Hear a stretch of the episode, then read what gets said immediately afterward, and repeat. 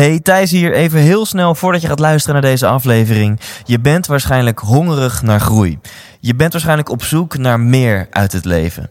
En ik kan je vertellen, dan ga je het enorm naar je zin hebben tijdens de 100% Inspiratieshow. Dit is een combinatie van een seminar waarin je veel gaat leren over geluk en een avondje uit waarin je vooral gaat lachen en het naar je zin hebt. Oftewel, je gaat ontdekken hoe je nog gelukkiger kunt worden en dat verpakt in een hele hoop entertainment. Kaarten, die kun je kopen op thijslindhout.nl. Alle vorige shows waren volledig uitverkocht, dus als ik jou was, zou ik er snel bij zijn. Heb je zin in een avond uit, vol inspiratie? Neem je partner, je collega's, je vrienden en vriendinnen mee en koop nu je tickets op thijslindhout.nl. Mijn naam is Thijs Lindhout. De naam van de gast is André Kuipers. En je luistert naar aflevering 9 van de 100% Inspiratie Podcast.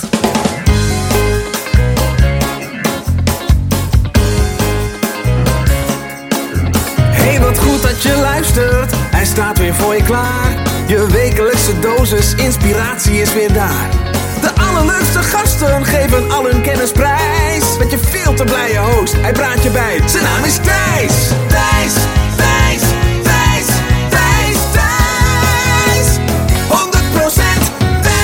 Oh jongens, wat, wat zal ik er eens over zeggen? André Kuipers, fucking André Kuipers, hier in een uitzending van de 100% Inspiratie Podcast. Ik bedoel, waar hebben we het over in deze podcast? We hebben het over inspiratie, we hebben het over het realiseren van je dromen. Sommige mensen dromen realistisch, sommige mensen dromen minder realistisch, die dromen extreem groot. Maar het mooie van dromen is, is dat je je standaard hoog legt, dat je niet genoegen neemt met minder in het leven, dat je ervoor gaat om het ultieme te bereiken in het leven. En als je kijkt in Nederland, we hebben, nou, ik denk tientallen, misschien wel honderden topsporters. Honderden mensen die de top, die hun droom hebben bereikt in sport. We hebben tientallen eh, succesvolle muzikanten. We hebben tientallen succesvolle acteurs. We hebben tientallen, honderden extreem succesvolle businessmannen en businessvrouwen. En zo kan ik nog wel eventjes doorgaan. Maar we hebben maar één astronaut. We hebben één astronaut. Astronaut worden is zo'n beetje wat elk jongetje op de basisschool vanaf zijn achtste jaar al zegt: dat wil ik worden als ik later groot ben. Niet meer dan één uit de miljoen die hiervoor gaan realiseren dit. Dit is zo extreem, extreem zeldzaam. En ja, André Kuipers gaat speciaal voor jullie zijn verhaal delen. Hoe hij het voor elkaar heeft gekregen om die één uit de miljoen te zijn. En dit is bijzonder, dit is exclusief. Meestal deelt hij in zijn lezingen deelt hij een duurzaam verhaal of deelt hij een verhaal over de medische aspecten van in de ruimte of deelt hij gewoon een kick-ass verhaal van hoe is het om te zweven. Hij gaat nu voor het eerst echt inzoomen op de weg ernaartoe. Hoe heeft hij het voor elkaar gekregen dat hij uiteindelijk astronaut is geworden en in 2011 de lucht in is geschoten en een half jaar in, uh, in outer space heeft geleefd?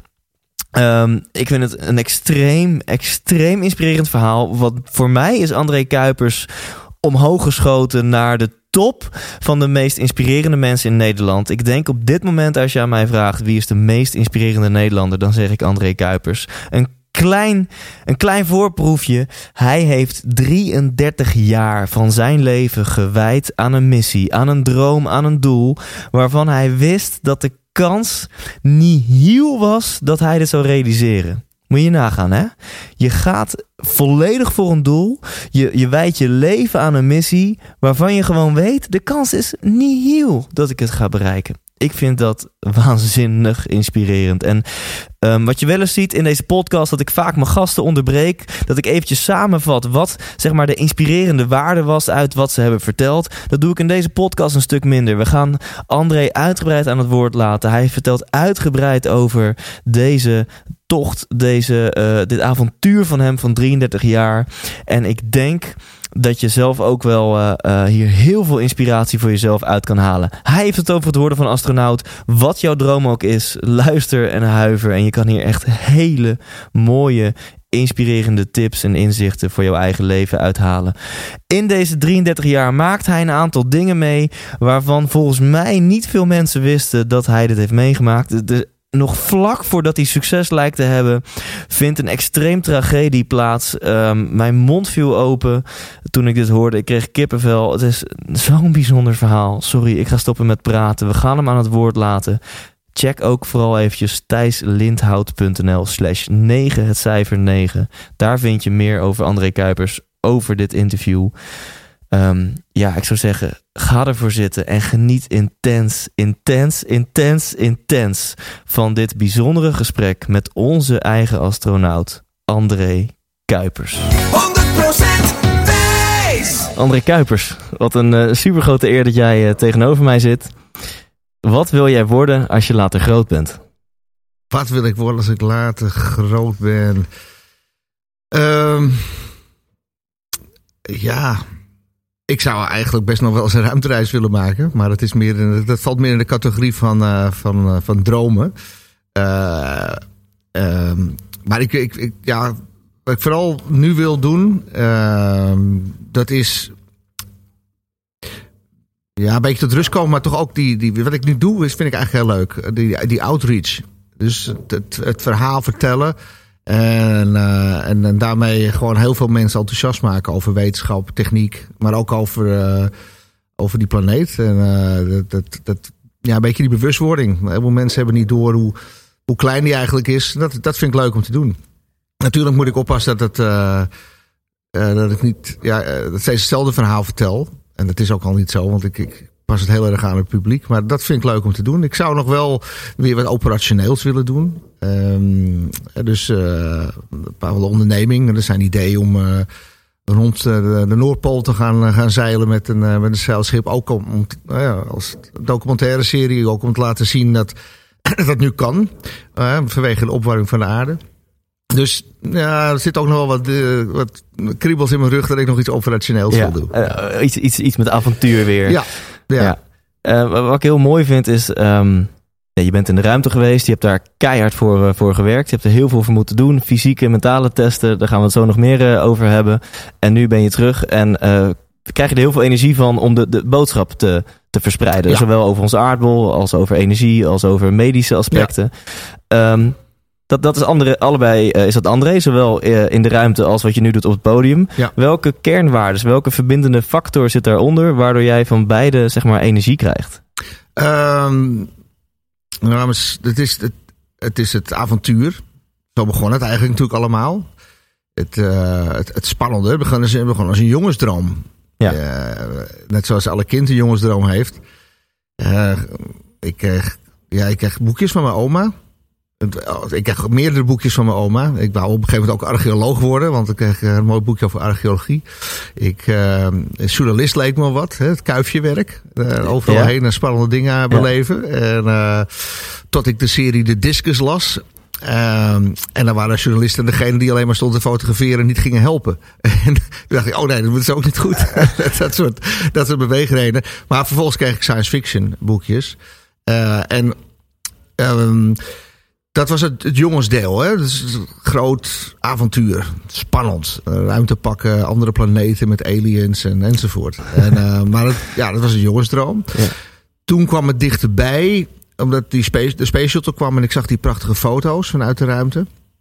En uh, gewoon ja, fenomenaal. Die films, uh, prachtig opname. Ik denk, wauw, dat is te gek. Dus, dus behalve dat het spannend en avontuurlijk is, is het ook heel mooi. En het derde was dat ik zag dat hey, er wordt allerlei onderzoek gedaan. Er allemaal nuttige dingen gedaan. Uh, en die combinatie van drie, drie, die drie dingen, die heeft er eigenlijk doorslag gegeven. Dat is, dus, het is avontuurlijk, het is mooi en het is ook nog nuttig. en, en eigenlijk, ja.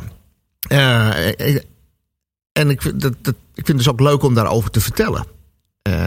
Als ik die, die lezing geef, dan zit het, gewoon het, het avontuurlijke aspect het is leuk om daarover te vertellen natuurlijk. Uh, hoe mooi het is. Laat het zien. Ik wil die plaatjes van die mooie planeet laten zien. Zoveel ja. mogelijk delen. Uh, en uh, dat heb ik zelf ook. Uh, als ik toen Wilbur Okkels had gevlogen, toen was er een voorstelling in de Space Expo in, in Noordwijk. En er zijn met muziek van Jan Akkerman. zijn foto's die hij had gemaakt van de aarde. En ik zat daar echt helemaal. ik, ik dook daar helemaal in. Ik dreef daarin weg. Weet je. En dat vind ik leuk om dat te delen. Ja. Met ook, ook muziek erbij. Uh, En, uh, en tegelijkertijd zit er ook een boodschap in. Van wat doen we allemaal met ruimtevaart? hoe nuttig is dat? Voor de communicatie, navigatie, de aardobservatie, luchtvervuiling, al die dingen die, die zitten daarin. Uh, dus dat is nog steeds dezelfde combinatie die ik ook in de lezingen stop. Ja. En ik wil het goed doen. Ik wil ze perfect mogelijk doen. Uh, dat, dat is ook leuk. Het is ook een uitdaging om het zo, zo mooi mogelijk te maken, zo soepel mogelijk te laten lopen. Dus dat blijft wel een beetje in zitten. Nou ben ik iemand die dat leuk vindt. Maar ik heb ook collega's die hebben er niks mee. Die hebben niks met de media of, of, of lezingen geven of zo. En ik vind het leuk, die outreach. Ja.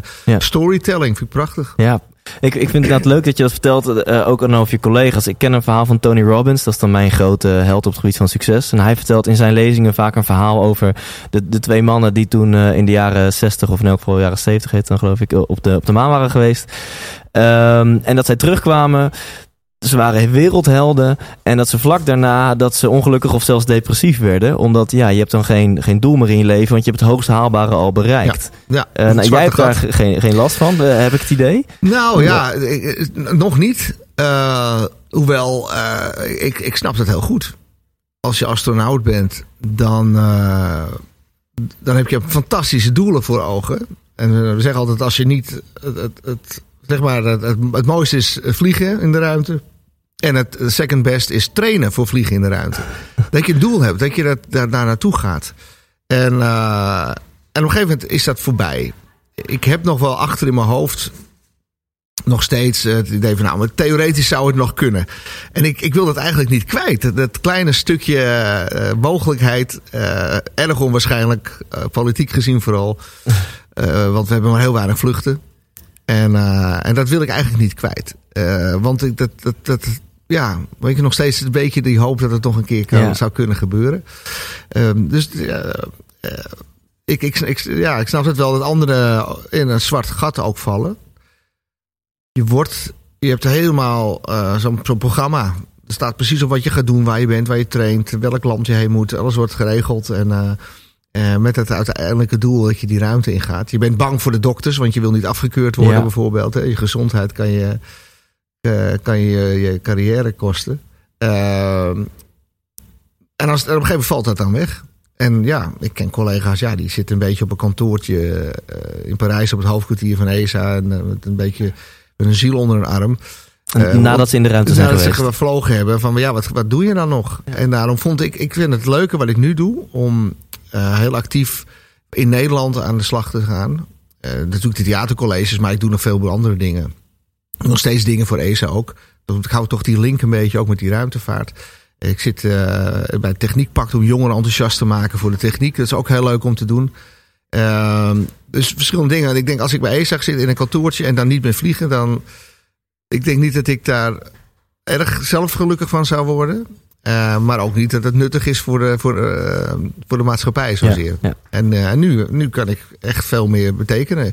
Al is het maar 1 of 2 procent meer jongeren die technieken gaan. Ja. Of, of een beetje meer bewustwording hoe kwetsbaar die planeet is. Dat geeft een goed gevoel. Nou, ik denk dat je dat soort cijfers ook best kan behalen. Want je, je, je spreekt zo ontzettend goed. Ik heb je zelf mogen meemaken een paar weken geleden. En nou, voordat ik meer ga vragen over hoe je astronaut bent geworden. Want dat, dat zijn, daar kijk ik heel erg naar uit.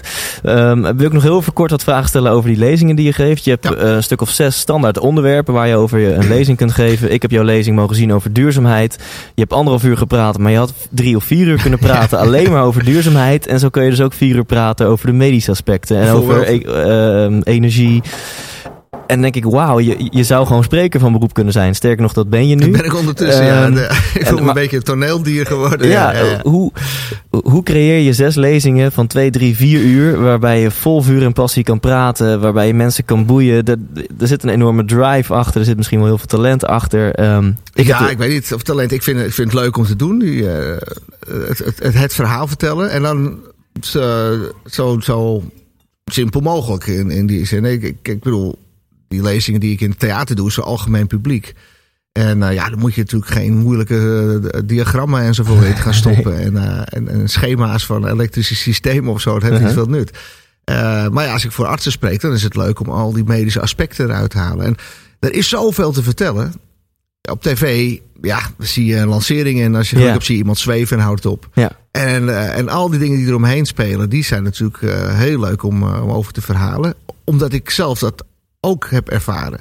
Eh, toen ik student was. En eh er kwam een Amerikaanse astronaut eh, spreken in, eh, in Delft of zo. Dan ging ik erheen. En eh, ja, het was magisch. Het Ja. was een, een, een wereld waar je zelf niet heen kon. En eh, die vertelde dan over. Ja. Dus ik, dat vind ik leuk. Eh, ook in, in, in simpele bewoordingen. Eh, dat mensen het begrijpen. Want heel veel mensen denken dat je gewichtsloos bent omdat je van de aarde weg bent. Ja. Nou, dat is niet zo. Eh, Het is omdat je om de aarde heen valt. Eh, Heel veel mensen, dat, dat gewoon een simpele beseffen. Nou, nou, dat demonstreren eh, gewoon met, met een steentje wat je naar de horizon gooit enzovoort. Ja. Dat, dat, dat is leuk. Ja. Ehm, dus ik vind het. ehm, eh, ik ben ondertussen wel eh, natuurlijk ervaren erin. En, eh, je, weet welke onderwerpen. je wel, wat ik het moeilijkste vind, dat is Kill Your Darlings natuurlijk. hè. Ja. Ja, ik heb Ja, zoveel oh, materiaal. daar kan ik zo ik, ik loop altijd uit, want dat moet erin. Dat moet erin. Oh nee, dat Ja. kan niet qua tijd. Dan moet, moet je hele onderwerpen er weer uitgooien. Ja. En prompt dat er dus na afloop vragen komen over die onderwerpen die er net Ja, uitgegooid. ja, ja, dat ja. zul je altijd zien. Maar de, kijk, ik, over de medische aspecten eh, kan het heel goed gaan. Over, als het voor, eh, voor ICT is, nou, dan ga je wat meer daarop in. Hè. Die duurzaamheid. eh, en, eh, en hoe heet het? eh, algemeen publiek. En voor kinderen op scholen. hebben- Nou, met raketten en lanceren. En, dan laat ik filmpjes doe ik erin van. ze moeten het zelf kunnen ervaren. Hoe kan je het nou vergelijken? Nou, een achtbaan bijvoorbeeld. Hè? Of on- onder water in het zwembad liggen. Nou, weet je, dus dat, dat, dat, ik vind het leuk om dat zo, zo, zo dicht mogelijk bij de mensen eh, zelf te brengen.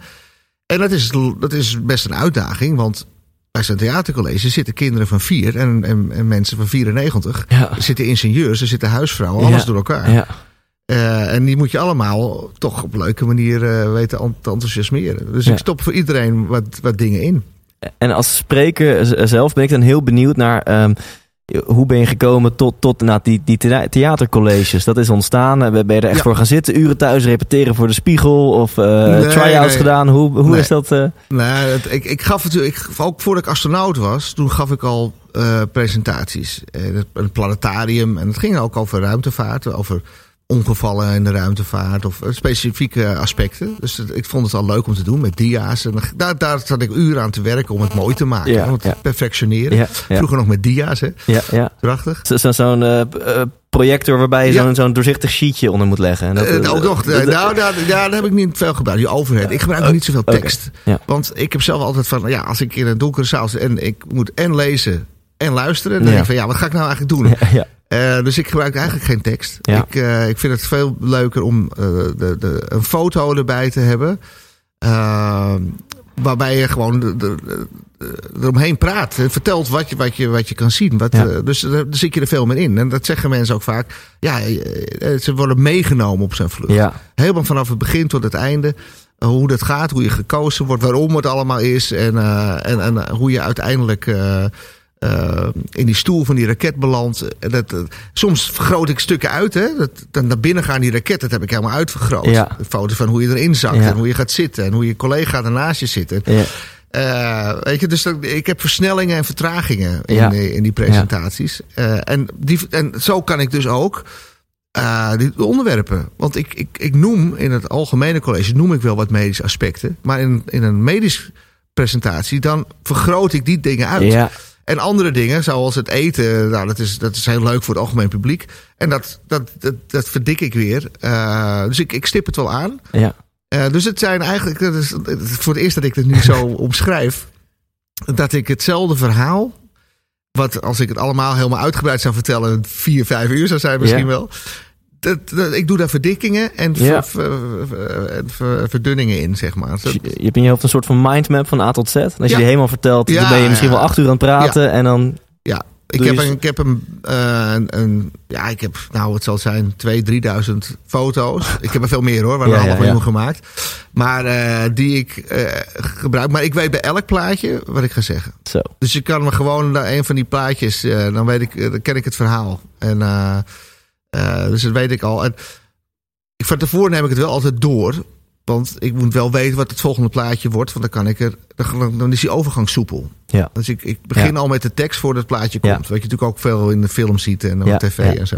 Het geluid begint al van de volgende scène, weet je. Dus dat, is, dat, dat doe ik dus ook. Nou, maar dat is allemaal, dat heb ik nooit, heeft nooit iemand verteld. Het is het gewoon, is gewoon ontstaan. is ontstaan. En ik, ik, ik deed dat dus voor, nou, eerst voor scholen en, en, en, dat soort zaken. En vervolgens eh, ben ik eh, benaderd door, van, eh, door theaters van wil je dat niet eens in het theater doen? En dat was meer om gaatjes te vullen. En eigenlijk had ik het, vond ik een beetje, ja, vond ik eigenlijk niet zo geslaan. Want ik dacht, dan moeten mensen gaan betalen Ja. voor, voor mijn verhaal. Eh, en dat vond ik een beetje raar. Want ik voelde me niet echt een, een professionele cabaretier of wat dan ja, ook. ja. Eh, maar ze zei, ja, maar die, ja, die theaters moeten ook, het licht moet betaald voor die mensen. Maar ik bedoel, dat, dat, Ja, er moet gewoon Ja. huur betaald worden voor Ja. het theater, enzovoort, enzovoort. Eh, dus ik dacht, oké, nou, het is dus blijkbaar, het is niet gek om iets te betalen voor een voorstelling dat er heel veel mensen van betaald moeten worden. En eh, dus oké, dan wil ik het wel eens doen. En ik vond het hartstikke leuk. Eh, het publiek vond het leuk. Nou, en, en ondertussen zijn het al 200 voorstellingen of zo. Ja. Bizar. Ja. Dan nu over jouw, eh, ja, jouw tocht naar, eh, naar astronaut. Ehm, Dit heet in- 100% Inspiratie Podcast. Als ik één ding inspirerend en, en gefascineerd door ben, dan is het wel mensen die de top iets hebben bereikt. Nou hebben we in Nederland tientallen topsporters. We hebben tientallen top businessmensen. We hebben tientallen top acteurs en presentatoren. We hebben maar één astronaut. In elk Ja. geval één die heeft gevlogen op dit moment. Dat, dat is op zich al gaaf en inspirerend. Eh, kun, je, kun je mij, kun je ons eens meenemen op, op die tocht vanaf het moment dat jij als klein jongetje, denk ik, eh, een droom had van ik wil astronaut worden, tot aan het moment dat je de lucht in ging. Kun je daar eens wat, eh, wat over vertellen? Ja. Ehm, je zei al topsport en daar vergelijk ik het heel erg mee. Ik, je moet een beetje obsessief zijn. Ik denk het, ja, het zit toch wel een obsessie in hoor. Dat je, dat je iets vastbijt in iets en dat wil je per se halen. En eh, eh, ik, ik, ik zal niet over lijken gaan of zo, maar alles moest ervoor wijken. Hè? Als, eh, als mijn toenmalige vriendin had gezegd van nou ik wil niet dat je het doet, nou jammer dan, maar heb ik het toch gedaan. Ja. Alles, dat was het doel. Ja. Dus een beetje obsessie, net zoals bij topsport. Ja. Alles moet wijken, je sociale leven enzovoort. Je, je, je gaat daarvoor.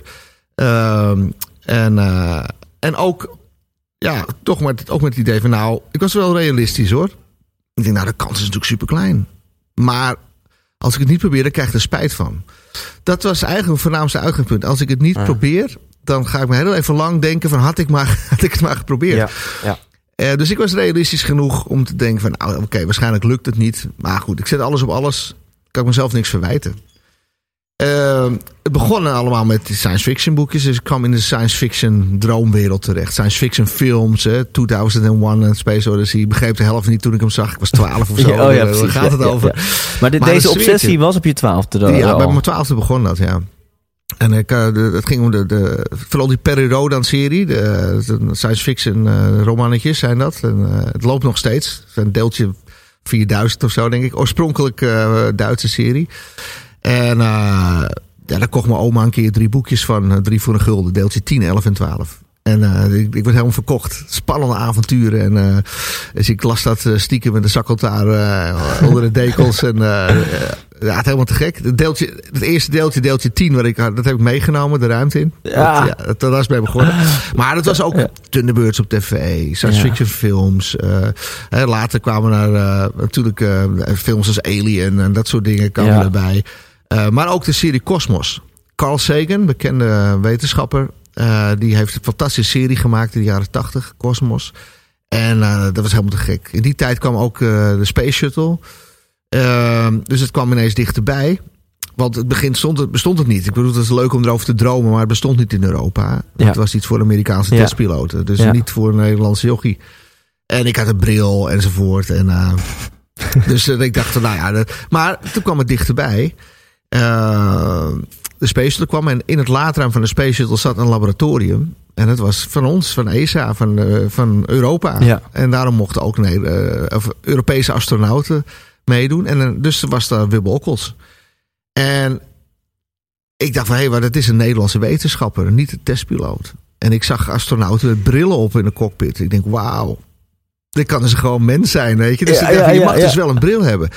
Dus ineens dacht ik van, hé, hey, dat kan dus. Hè. Dus eh, maar ik, ik dacht ook van, oh jee, dat, iedereen wil dat. Want iedereen vond het te gek, hè. Toen we ook al sloog. En kwam hij met zijn bemanning kwam hij naar, eh, naar Delft in de aula daar. En ik kwam daar binnen. Nou, ieder op de trappen en zo, weet je. Echt eh 500, 600 man in die zaal ja. of zo. En, en toen dacht ik, oh jee, en die willen ook allemaal astronaut worden. Ja. Ik heb geen enkele kans. Eh, maar goed, dit speelde wel allemaal in mijn hoofd. En ik, ik ging dus naar eh, de presentaties van andere astronauten. Maar ja, beseffende dat ik een van de velen was die dat wilde. Ja. Ehm, ik, ben, eh, ik was ondertussen geneeskunde gaan studeren. Ja. Dat was trouwens ook gebaseerd op die science fiction boekjes. Ja. Dat er waren ook deeltjes waarin eh, ja, planeten, eh, andere, andere, andere buitenaardse beschaving, die was dan leven aan het creëren. En dus ik raakte geïnteresseerd in biochemie en dat soort dingen. Dus dat heeft een beetje dezelfde roots. Eh, toen ben ik eh geneeskunde gaan studeren. Vervolgens eh, moest ik nog in militaire dienst. En toen dacht ik, nou, de luchtvaart, luchtvaartgeneeskunde, Ja. eh, dat, eh, dat ruimtevaartgeneeskunde, het hoort allemaal een beetje bij elkaar. Ja. Ik begon me te, te oriënteren. En eh, eh, ik had tijdens mijn, tijdens mijn medische studie, had ik een krantartikel, kwam ik tegen. eh, in het Parool. En daar stond een artikel met een interview met professor Oosterveld. En die man, dat is een KNO-arts in het AMC in Amsterdam. Of toen nog Wilhelmina gasthuis, denk ik. En die had, eh, eh, die was onderzoek gaan doen op, bij Apollo-astronauten. Naar ruimteziekten en dat soort dingen in Florida. En, eh, en dat vond ik helemaal te gek. Ik denk, wauw, ruimtevaartgeneeskunde. Dus ik denk, nou, ik kan die kant op. Dus via hem, ik heb onderzoek op zijn afdeling meegedaan. En, eh, en hij zat, eh, eh, hij was verbonden ook bij de luchtmacht. En via hem ben ik dus bij de luchtmacht als arts kunnen komen. Onderzoek gedaan naar desoriëntatie bij jachtvliegers. Dus dat was helemaal te gek. Ik had bij de luchtmacht kunnen blijven, want het, je bent heel gauw ben je al expert. Eh, en eh, het was een prachtig hoor. Ik, ik heb er nog steeds eh, goede, goede herinneringen Ja. aan. Maar ik wilde toch die ruimtevaartkant op. Toen kon ik gaan werken bij het NLRGC. En dat was een onderzoeksinstituut in lucht- en ruimtevaartgeneeskunde in Soesterberg. Daar eh, eh, kon ik aan de slag. Eh, en dat deed ik, eh, behalve keuringen van vliegers, ook onderzoek naar allerlei aspecten van vliegen. Hè, dus versnellingskrachten, onderdruk, eh, ja, hypoxie, contactlenzen voor vliegers en dat soort dingen. We deden ook onderzoek samen met TNO. Ehm, en eh, dat zat daarnaast technische menskunde. IZ, IZF heette toen, syntagfysiologie. Ehm, en daar gingen we ook onderzoek mee doen. Onder andere naar ruimteziekten met Wilbur Okkels in de centrifuge. Dus ik kwam steeds dichterbij bij die Wauw. ruimtevaartgeneeskunde. Toen gingen ze paraboolvluchten doen. Nou, dat wa- de eerste paraboolvlucht deed ik eh, als arts bij de luchtmacht. Dan vlogen we van Soesterberg naar Gilserijen in een Fokker, eh, Fokker Friendship. En dan maakten we twee parabooltjes, hè, waarbij je dus even gewichtsloos was. Ja. Nou, ik vond het helemaal te gek. Eh, Echt 40 seconden of zo, toch? Nou, dat is heel lang hoor. Oh. Deze waren wat korter, 20 seconden. 20 meestal, seconden, ja. En, en ja, dat, ik, denk- dus ik kan, ik, dat kriebelde zo ontzettend, die, die ruimtevaartgeneeskunde. Dus daar kwam ik zo in terecht. Ik ben daar eh, bij de NLGC een beetje mee begonnen. Met die, met die onderzoeken samen met TNO toen. En toen kreeg ik de kans een paraboolvluchten te doen met eh, een onderzoek van TNO. Eh, en ook met Oosterveld, die deed ook onderzoeken, Ja. die, KNO. Dus ik kwam echt die gewichtsloosheid. Maar dit was echt als wetenschapper. Dit was nog niet Ja. als voorbereiding om Nee, astronaut maar te wel, worden. jawel, met mijn achterhoofd. In jouw achterhoofd wel, ja, ik was natuurlijk al Ja, lang ja, bezig ja. met een cv op te bouwen. Gaaf, Eh, gaaf. ik was gaan duiken, ik had mijn duikbuffet. Ik, toen ik bij het NLGC ging werken, toen heb ik ook mijn vliegbuffet gehaald. Want ze zei, je moet er onderzoek doen naar vliegers. En ze, ze zeiden, dus, nou, eh, dan moet je ook weten wat vliegen is. Ja. Dus het kon op eh, kosten Ja. van, een, van een, de stichting kon dat. Eh, dus ik had heel snel mijn vliegbuffet. En, eh en paraboolvluchten met TNO samen. eh, en dat was ook heel boeiend. Dus ik, zat, ik kwam steeds dichterbij. Ja. En allemaal kleine. Ik was, wat ik aan het doen was, ik was kleine deelaspecten aan het verzamelen Ja. van een ruimtevlucht. Ik, ik zat in een centrifuge regelmatig om onderzoek te doen. Uh, uh, paraboolvluchten en, en duiken. Allemaal, allemaal deelaspecten. Ik wilde zoveel mogelijk van die ruimtevaart proberen te verzamelen. Als het niet zou lukken, had ik allemaal kleine deelaspecten verzameld. Um, en toen kreeg ik de kans om bij ESA te werken. Ik werd nog heel goed. Uh, ik had. Ik wilde astronaut worden. Er kwamen nieuwe selecties aan. Dat wist ik. Ja. Want ik wilde niet een advertentie missen. Dus terwijl ik in Soesterberg dus werkte, ehm, eh, had ik natuurlijk ook al af en toe gebeld met het Europese Astronautencentrum in Keulen. Ja. Van, eh, wanneer gaan jullie weer selecteren? Ja. Hè, wanneer komen nieuwe selecties? Want anders mis je Ja, want advertentie. dit is geen selectie die via een uitzendbureau loopt Nee, of zo. Dan nee, moet je echt... in- Nou ja, je moet wel weten dat hij er is en Ja, precies. zo. En, eh, dus ik, ik wilde op de hoogte blijven. Ja. Ik volgde, ik ging steeds meer lezen Ja. ook erover. Wat is zijn de medische eisen? Want Ja. ja. ik was op mijn negentiende geopereerd aan mijn schildklier. Eh, bleek uiteindelijk een goed aardige tumor te zijn. Maar ja, toch een halve schildklier eruit. En, Ja. eh, eh, maar er stond nergens dat dat niet mocht. Dus ik denk, nou oké, dit is ogen. Ik, had, ik, had, ik, ik droeg, droeg een bril. Ik denk, nou. Maar vervolgens stond er dat, behalve de piloten van de Space Shuttle dan, de anderen mochten best brillen dragen. Dus ik denk, oké. Dus ik, doordat ik dat ging uitzoeken, kwam ik steeds meer en meer erachter Ja, dat ik een kan, toch wel een kansje had. Eh, al is hij maar heel klein. Dus Mhm. ik, ik ging dat echt. eh, Dat, ik denk dat dat heel belangrijk is als je gemotiveerd bent. Dat je ook actief aan de slag gaat. En Ja. niet. Ik weet van mensen die zeggen: Nou, ik ga het niet proberen, want ik draag een bril of zo. Nou, Ja. ik denk dat ja. Ik Dat wil is eens niet de even instelling, Ik ja. niet te spaak in mijn eigen, eh, met mijn eigen wiel steken. Dus ik wil eer- even een stok in mijn eigen wiel steken. En dus de, oh ja, daarnaast, dat loopt een beetje parallel Ja. eraan, eh, ging ik ook, omdat ik dus in die ruimtevaartgeneeskunde een beetje zat, ging ik naar een congres toe van de ESA. Dat wist ik zo te regelen, want het instituut was er niet zo in geïnteresseerd. Maar ik zei, als belangrijk is belangrijk, moet ik heen. Een life sciences congres van de ESA. eh, over alle aspecten van ruimtevaartgeneeskunde, Europees. Dan ging ik dan, vanuit het instituut ging ik daarheen. En eh, het was in Trieste die ene keer. En daar sprak ik ook mensen die bij de ESA werkten. En toen zei ik van nou, ik, ik ga graag ook voor de ESA werken. En hoe doe je dat? Eh dus actief aan de slag. Eh, toen eh, zeiden ze nou ja, je, wat wil je doen? En dat, wij werken meestal met instituten samen. En en dus vanuit instituut, oké, nou ja, daar, daar zit ik. Ik zit bij zo'n instituut. Ja. Dus nou, vanuit die kant moet ik verder. Maar ik had wel de juiste mensen gesproken op een of andere manier. Zonder dat ik het door had. Want op een gegeven moment, eigenlijk tegelijkertijd eh, met het feit dat ESA een nieuwe astronaut ging selecteren, kwam een advertentie in de krant. Die kwam een week later gepland. Dus ik meteen weer bellen. Van welke krant staat het? Welke krant? Want Ik zie hem niet. Nee, nee, het wordt volgende week. dat weet ik nog heel goed. en, eh, en op kwam er een telegram van ESA binnen. Eh, via de luchtmacht. Oh ja, want ik had dat Trieste verhaal, dat is nog uit de luchtmachttijd. Zo staat dat. Via de luchtmacht.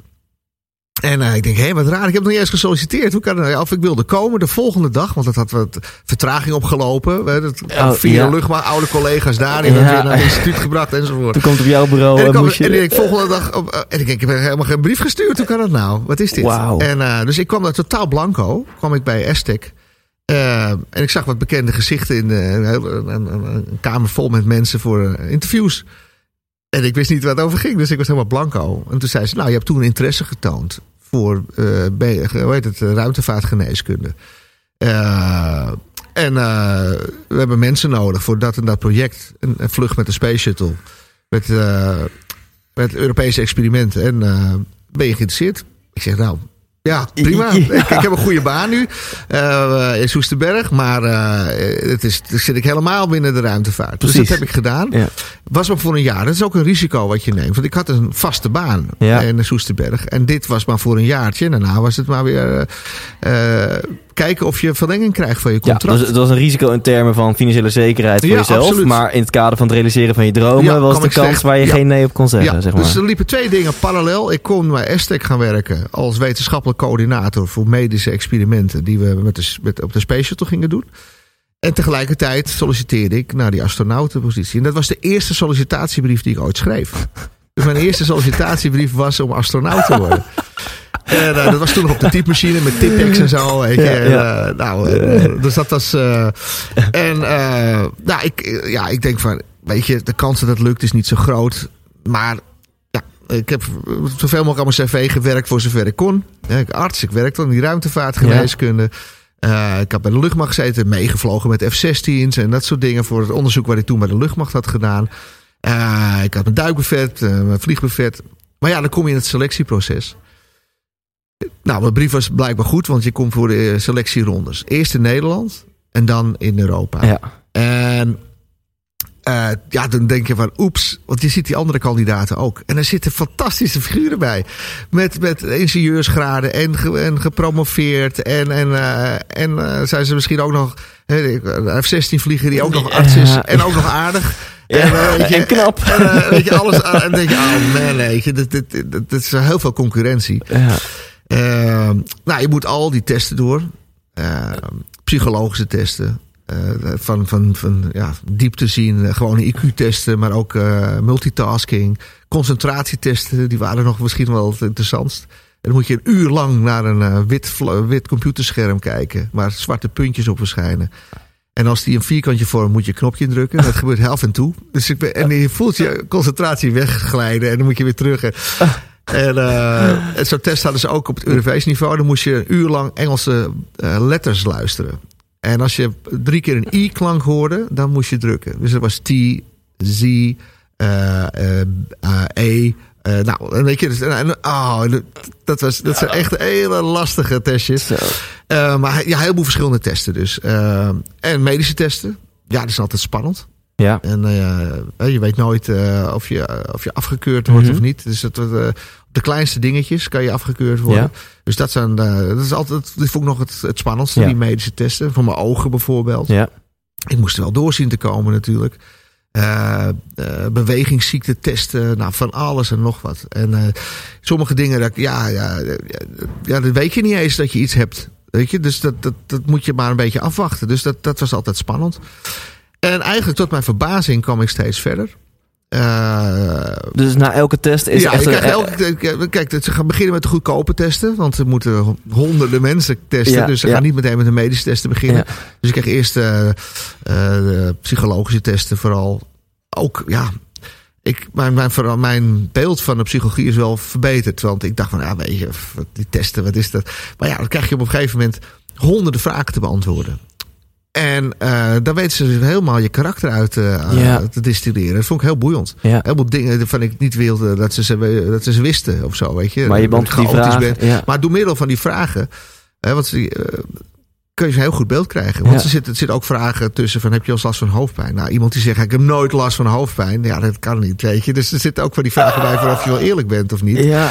Eh, eh, dus, eh, maar ook vragen van eh, drie mogelijkheden. Eh, en dan moet je, je moet er één van kiezen. Maar dan zijn er drie mogelijkheden. Zijn, ik ben lui, ik ben dom en ik ben gemeen. en dan moet je één van drie kiezen. Maar ook omgekeerd. Hè, van, ik ben ijverig, eh, ik ben eh, slim en, en, en ik ben aardig of zo. Je moet, je moet iets kiezen. En, maar dan krijg je er dus heel veel van. Ik vond het heel boeiend. Ja. Heel frustrerend ook. Ja, heel ja. Nou, dus heel veel van dit soort testen. Ook eh, bij de marine werden er testen gedaan. Een claustrofobie-test. Weet je, in een, eh, in een eenpersoons eh, eh, druktank gestopt, weet je. Dan moest je dan Ja. eh, 20 minuten in zitten. En dan zeiden nou, wat ik zei, ja, is het genoeg dan, hè? We zijn nou iemand die claustrofobisch is, die gaat daar niet in. Eh, dus dat soort testen werden gedaan. eh stresstesten, nou, van alles en nog wat. En eh, dan ben je, op een gegeven moment was er een bijeenkomst voor de Nederlandse kandidaten. Want het was eerst in Nederland. En ik weet nog heel goed, we zaten met drie van de vijf kandidaten. met mensen van, van een Nederlandse delegatie. En, en toen zeiden ze wie er afgevallen waren. En ik voelde de koude douche als het ware van de anderen. Ja, nu gaan ze mijn naam noemen. Ja, nou, ja. mijn naam werd dan, ik was door. Oké. Maar ik voelde de koude douche die de anderen kregen. Oh ja. En ik denk, ja, dat is gewoon voor mij uitstel van executie. Zo voelde het. En ik denk, oh man. Maar ja, ik was er nog steeds door. En toen moest de Europese ronde in. En dan is de concurrentie dus nog groter. Dan heb je gewoon de beste 65 of zo van heel Europa. En daar moet uit geselecteerd worden. En dan, dan ga je naar drie of zo van vijf uiteindelijk. Nou, uiteindelijk, eh, nou, ze hadden, ze hadden allerlei wilde plannen. Ze wilden toen iets van eh 20 astronauten hebben. En uiteindelijk is dat teruggegaan tot zes. Ja. Ehm, maar ze gingen dus kiezen uit, Zo. die, uit die 65. en toen kwam ik, ik weet nog heel goed, eh, in Keulen. En ik was natuurlijk geïnteresseerd in ruimtevaart. Dus ik kende de Europese astronauten wel. Ik volgde dat. Ik had boeken Ja, van ze gelezen. En die deden gewoon mee met die selectie. En er waren Helen Sherman uit Engeland, die had al gevlogen. Eh, Frans Viebuk van, uit Oostenrijk, die had al gevlogen. Duitse astronauten die al geselecteerd waren voor die D2-missie waar ik aan gewerkt had. En die deden ook mee met die selectie. Want dat waren namelijk nationale astronauten. Ja. En, die, en die wilden ze tot, tot ja, één Ja. team eh, maken. En eh, toen dacht ik, ja, waarom, waarom ben ik hier? Deze mensen hebben al bewezen dat ze het kunnen. Want die hebben al Ja. gevlogen zonder Ja. brokken. Eh, en maar die moesten toch gewoon meedoen. En tot mijn... eh, dus, dus weer al die testen door. Ja, ja. Dus ik ja, een Franse astronaut achter me, weet je. En degene daarna de testen doornemen. En denk ik, oh, ik heb helemaal niet goed gescoord. Eh, daar word je ik- lekker ik denk- onzeker van, Ik denk, ja. nou, wel zeker niet. Maar ik denk van, nou, weet je. Ik verwacht dit niet meer. Ik kan me niet voorstellen dat ik van een Franse testpiloot die al gevlogen heeft Ja. in de ruimte, dat ik daar ga, van ga winnen. Eh, en eh, ik denk dat ik ook nergens de beste in ben geweest. Ik, want wat, wat ze doen natuurlijk, ze, ze zoeken een allrounder. Ja, En ik, eh, ik weet nog heel goed dat ik bij een van de laatste rondes, ik kwam dus steeds verder weer.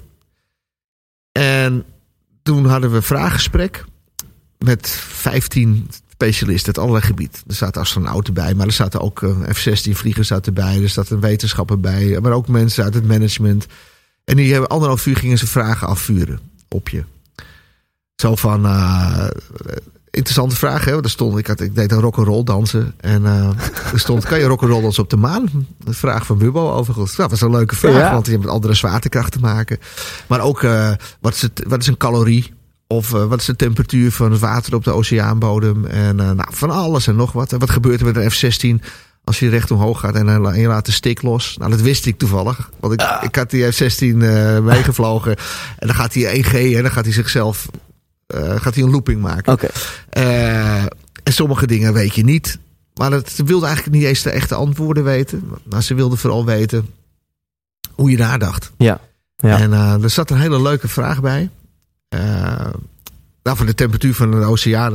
dat, dat dacht ik even. Op een gegeven moment dacht ik, oh ja, natuurlijk. Het, is, het kan niet dichter worden. Het wordt, het wordt 4 graden.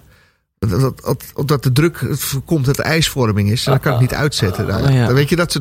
Ze Ja. wilden weten hoe je erover hoe je Ja. dacht. En er was ook een hele leuke. Die vond ik eh, goed onthouden.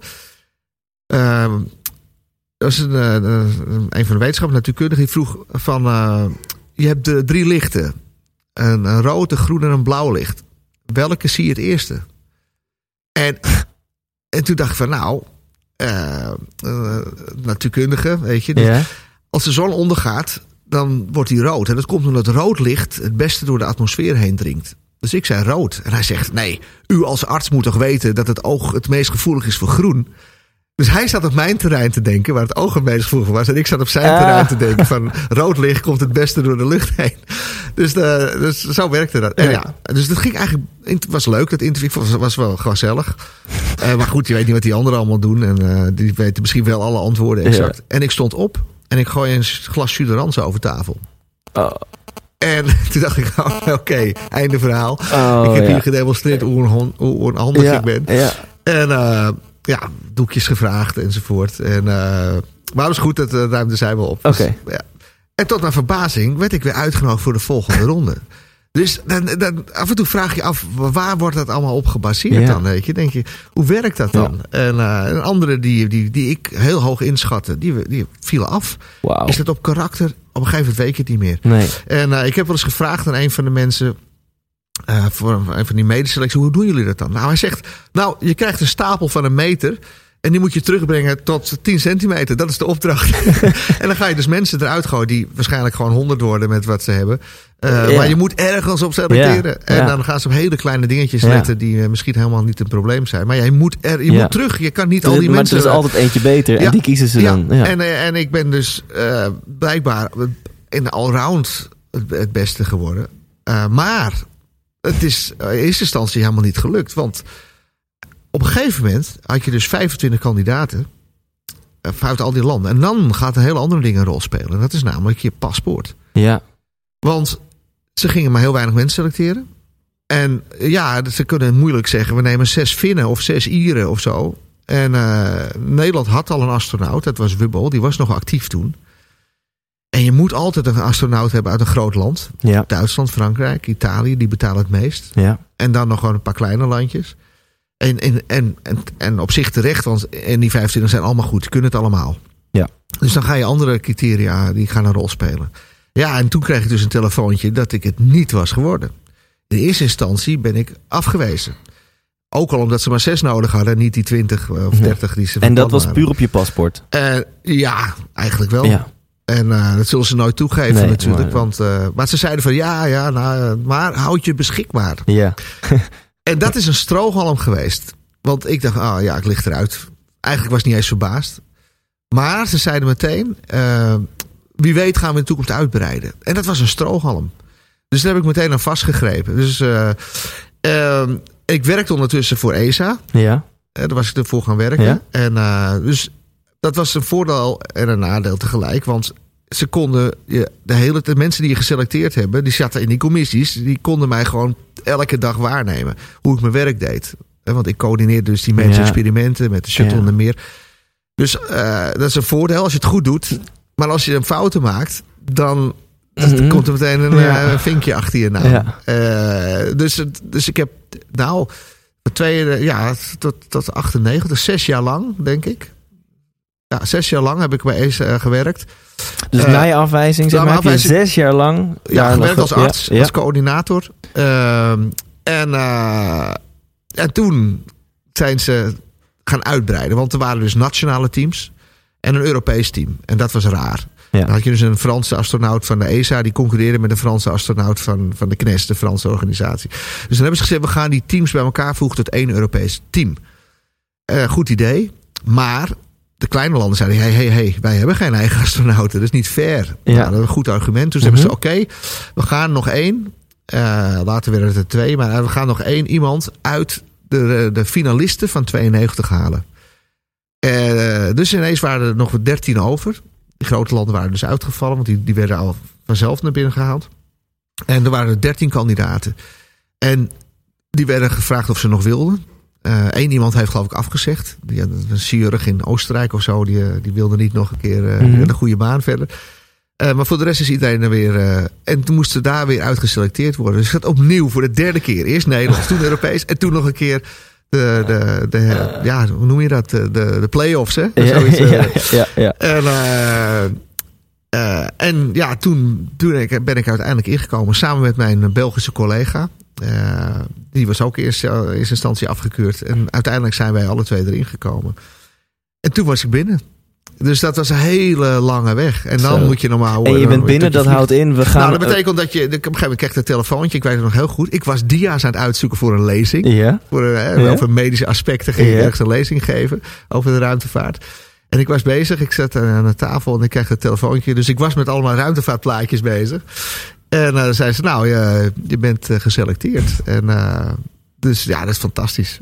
wat, wat, wat schiet er dan tranen in je ogen? Of, of wat gebeurt is- er dan? Ja, ik was eh, een soort euf- euforisch gevoel van eh, wauw, weet je, ik, eh, ik ben nu astronaut ik, eh, en ik ga, was, ik ga de ruimte straks in. Ik ging er toen vanuit dat ik met de Space Shuttle zou gaan. Ja, Eh, want dat, ja, ja, ik dacht er helemaal niet na over eh, vluchten met de Russen. Want dat was eh, de, meeste, die- de mensen die met de Russen meevlogen. Dat waren eh, testpiloten. Eh, als ze Europeanen waren, die zaten dan op de rechte stoel waar je niet zoveel kan doen. Dus ik dacht, ja, als arts. Dus ik dacht vooral dat ik met de Space Shuttle zou gaan Ja. vliegen. En dat ik dan eh, aan boord, eh, net als Hubble Okkels, eh, experimenten zou gaan doen. Dat was het eh, idee. En ik denk, nou, misschien ga ik verhuizen naar Houston enzovoort. Mhm. Nou, hadden ze ineens een heleboel astronauten. Eh, dus voordat ik ging. eh, er was eigenlijk helemaal geen ruimte voor ons. Want, want dit was ook in 98? Dit was in of? 98. Ja. Ik ben pas in 99 echt in dienst gekomen. Ja. Ik ben dus blijven werken voorlopig nog bij Aztec. Ja? Hoewel ik astronaut was. Omdat ze eigenlijk geen... Ze wisten niet wat ze met ons moesten. Het was vooral politieke beslissing om al die astronauten samen te voegen. Maar er waren helemaal niet zoveel vluchten. Dus eh, ik was dan wel astronaut op papier. Maar voordat ik vloog, dat kon nog wel eens een tijdje duren. En, eh, maar ik was in ieder geval binnen. Nou moest ik natuurlijk gezond zien te blijven. Eh, dus eh, dat was natuurlijk spannend. Ik kan altijd afgekeurd worden. Er zijn gevallen van bekend. Ehm, eh, maar die droom begon... ja, ik zat er helemaal in. En die, Ja. van die IMAX-films, The Dream is Alive en zo. En, ik, ik zat, en ineens was ik onderdeel daarvan. Dat was een fantastisch gevoel. Ja. dat ik dat bereikt had. Ehm, vervolgens, omdat het zo lang duurde, proberen ze... en ik werkte nog steeds aan medische experimenten voor die ruimtevluchten. En een van de vluchten waar ik aan werkte, Dat was een longfunctieapparaat. Uh, had ik al meerdere van gedaan. Dit is een volgende generatie. En dat ging op een space shuttle vlucht vliegen. Ja. En uh, uh, ik trainde onder andere met, met mijn collega's natuurlijk de astronauten daarvoor. En het was de Space Shuttle Columbia vlucht, STS 107. En het was heel apart, want ik was dus als trainer daar en als medisch uh, wetenschappelijk coördinator. Maar ik was ook al astronaut. Dus het waren al collega's van me, Ja, maar ik ging niet ja. zelf al vliegen. Ja. Ik uh, heel goed overweg met een Amerikaanse uh, uh, astronaut. Was ook een arts die, die ook astronaut was geworden. En ik ging met hem vliegen in Houston. En vervolgens zei uh, die vlucht die verschoof steeds. Die moest op een gegeven moment snel langs. Want er was nog een, dat, dat was nog een vlucht die niet naar het ruimtestation ging. Het ruimtestation was er ondertussen. Ja. Deze ging daar niet heen. Ja. Uh, losse vlucht met een laboratorium. En, uh, en ze hadden nog niet alle astronauten bij elkaar. En toen probeerde ESA, die zei van nou, wij hebben een kandidaat voor je. Uh, dus uh, ik zou, ik zou uh, op die, die vluchten misschien wel komen. Ja. Dus dat hebben ze geprobeerd, een half jaar lang, om mij op die vlucht te krijgen. En uiteindelijk is dat niet gelukt. Vloog ook een Israëliër op. Uh, dus ze wilden waarschijnlijk niet twee buitenlanders of zo. Dus uiteindelijk ben ik er niet opgekomen. Ja. Dat was jammer. Uh, ik ben wel doorgegaan met, met het trainen van die mensen enzovoort. Uh, en vervolgens is dat de Space Shuttle die verongelukt is. Dat is de Columbia geweest. Oh joh. En dat was een heftige schok. Wow. Ik weet nog heel goed, ik was in Amsterdam. Ik ging handschoenen, ski-handschoenen kopen. Ja, iemand gaat zagen op de achtergrond. Maar okay. goed, dit, dit, uh, dit filteren we al eruit. Goed zo. ja. uh, en ik krijg een telefoontje van mijn vader. En die zegt, uh, ja, het is net op het nieuws. de Space is verongelukt. En bij de terugkeer.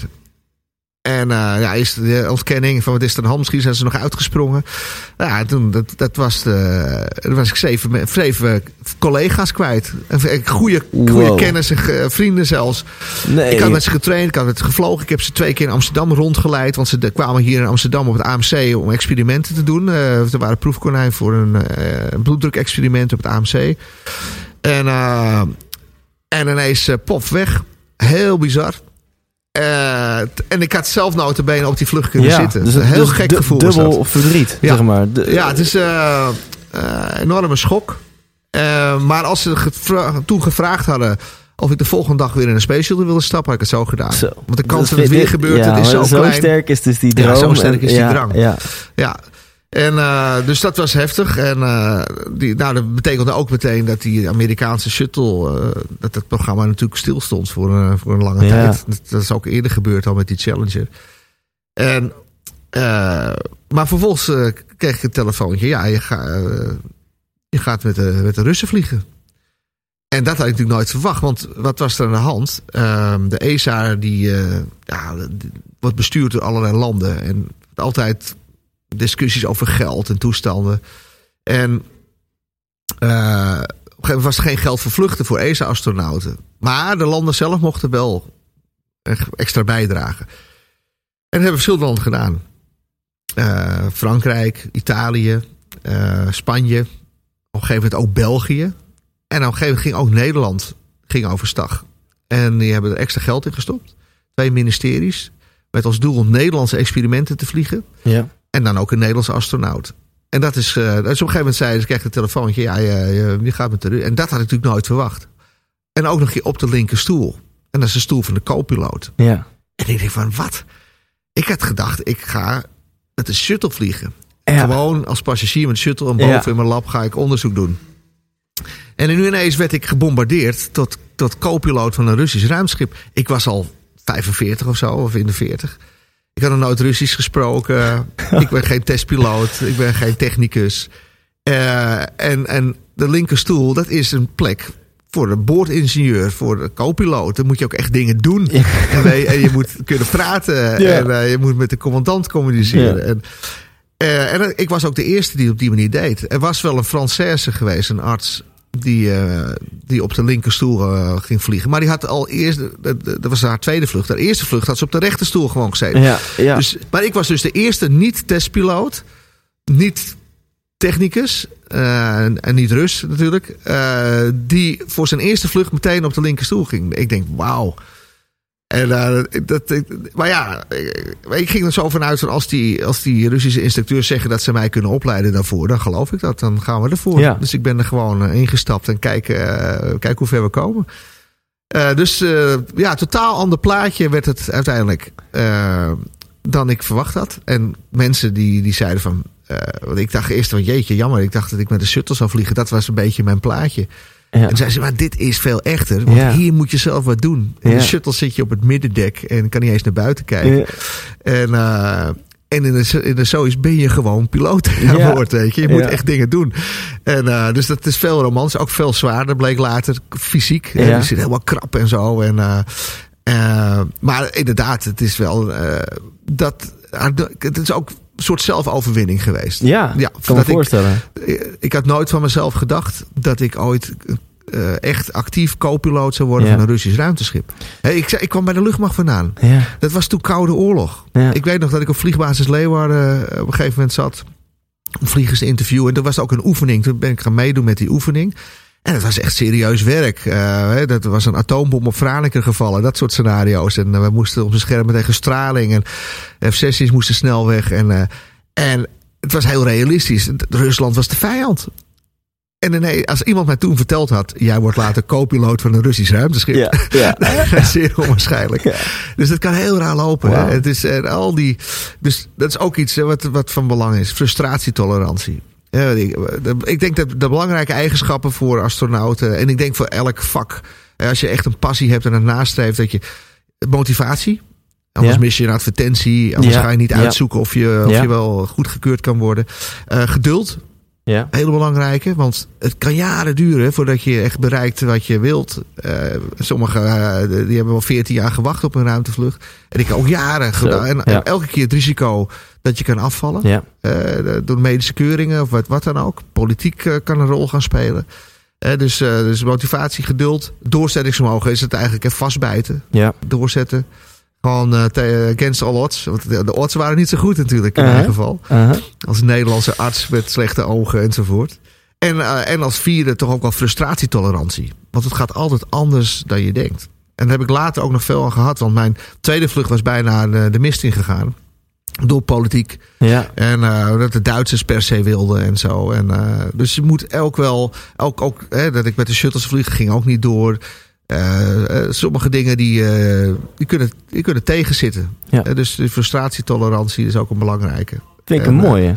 Ik denk dat dat ook geldt inderdaad voor andere gebieden. Ja. Als je je droom wil realiseren, moet je een bepaalde mate van het gaat altijd anders dan je denkt. Het gaat altijd anders. Ik had niet verwacht dat ik in een Russisch ruimteschip zou vliegen. Maar uiteindelijk is het wel allemaal gelukt. Ja. En, eh, en natuurlijk wil ik meer. Tuurlijk, ik zou dolgraag op de maan staan en zo. Ja. En, eh, en er is altijd meer. Kijk, de eerste mensen die vroeger was vliegen, dat was het ideaal. Weet je, dan wil je, je wil een keer vliegen. Nou, dan als je gevlogen hebt, als je dan loopt, dan wil je de ruimte in. Ik was al, mijn doel was die aarde vanuit de ruimte een keer zien. Ja. Dus als ik één baantje had gemaakt, dan was ik al helemaal happy Ja. geweest. Dan Ja. was ik astronaut, ook officieel hè. Volgens de Association of Space Explorers dan mag je toetreden tot die club als je één keer een baan om de aarde hebt eh, beschreven. Oké. En eh, eh, dat was mijn uiteindelijk doel. Maar ja, dan wil je wel meer. Je wilt langer wonen. Je wilt dit doen. Je wilt dat doen. En eh, ik had best op de maan willen staan. En in, toen ik begon waren die ideeën waren er. Ja. Eh, er waren ideeën om terug te gaan naar de maan. Die zijn er nu weer. Maar alleen eh, het duurt nog even. Ja. En ik weet van een Amerikaanse astronaut. Die heeft vier keer geprobeerd. Uiteindelijk heeft hij zeven keer gevlogen. De, de meeste vluchten ooit gemaakt Ja, en zo. ja. En, maar hij zei toen ik astronaut werd en astronaut wilde worden, ging ik ervan uit dat ik op Mars zou lopen. Ah. Want er waren maanlandingen. Ja. In, ja, en waarom gingen ja, dus tegen de tijd dat hij eh, eh, full-fledged astronaut zou zijn, Ja. Stond hij op Mars. En dacht hij, nou, hij is nooit verder gekomen naar de baan de Nee, aarde. Dus het gaat altijd ja, anders dan je denkt. Maar ook, ook mooi vind dat je zegt, jouw droom was astronaut worden. Een gigantisch ambitieuze droom. Ja. En op het moment dat je die droom hebt gerealiseerd, word je nog eens eventjes gestretched. Daagt het universum jou uit om, Ja. om toch nog verder jezelf te ontwikkelen. Je Want je werd die linkerstoel. Dan wil je nog wel een stapje verder. en, en kan je eens wat, wat vertellen ehm, ehm, over die, die paar weken dan voorbereiding, dagen, misschien uren zelfs naar echt dat lanceerpunt eh, toe?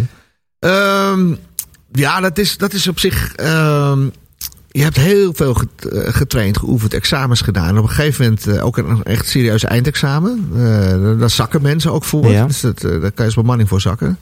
En dan moet je het erover doen en zo. Dus, dus het wordt serieus aangepakt allemaal door die Russen. Ehm, sowieso allemaal examens, ook in Amerika, Canada, je doet overal examens. Dat is ook wel lastig hoor. Dan ben je in de 40, later in de 50 en dan moet je nog steeds zit je nachten te blokken om examens te halen. Dus het houdt nooit op. Hè? Ja. Dus ik, ik, je wil niet afgaan, je wil het goed kunnen doen.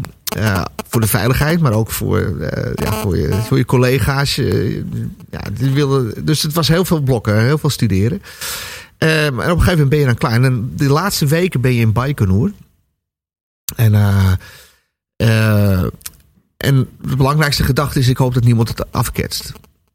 Eh, Ik hoop dat, eh, want daar ben je het meeste bang voor. Weet je, ik had voor die eerste voor 33 jaar over gedroomd. En, eh, Oh. en bij de Space Shuttle, er zijn de shuttle-lanceringen afge, eh, afgezegd terwijl de motoren al aan stonden. Dus bij de, de. Soyuz is veel betrouwbaarder, dus die gaat gewoon. En eh, er zijn heel weinig eh, problemen geweest. Dus maar ja, dat hoop je dan. hè. Ik wil niet afgekeurd worden, niet afgekeurd. Dus de laatste dagen ben je aan het voorbereiden in, eh, in Baikonur. En dat is redelijk relaxed hoor. Oké. Je hebt wat eh, interviews eh, met de pers, maar het is vooral een beetje sporten, een beetje e-mailen.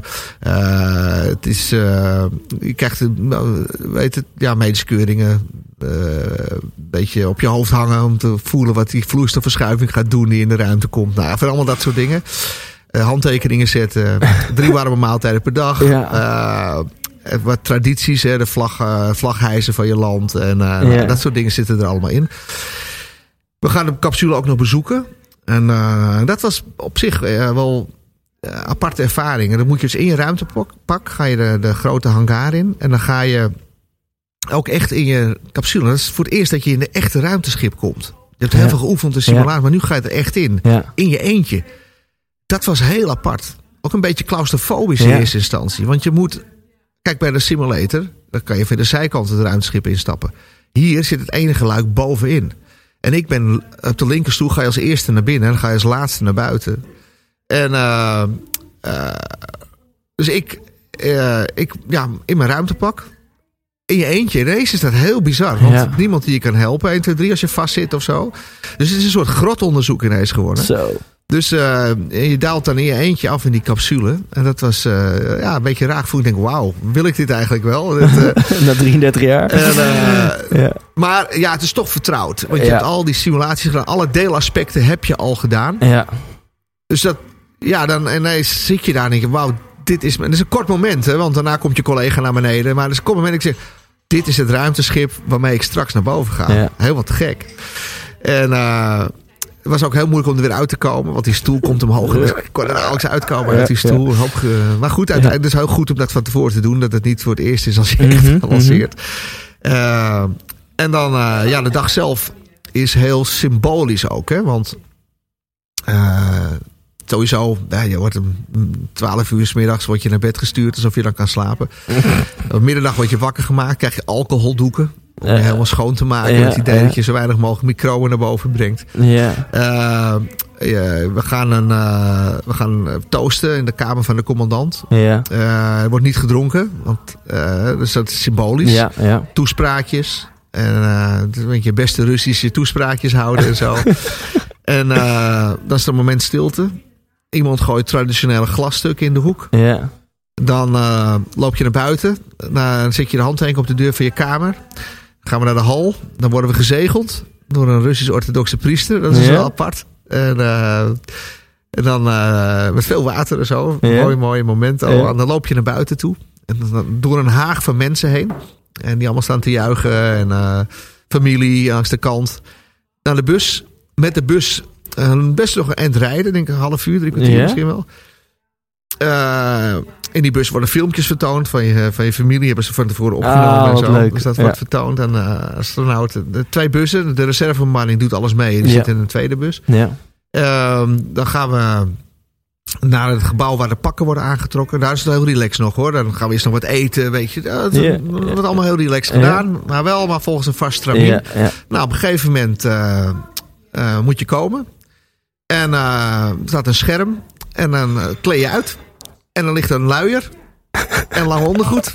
En dat is echt, en dat is heel symbolisch. Want Ja.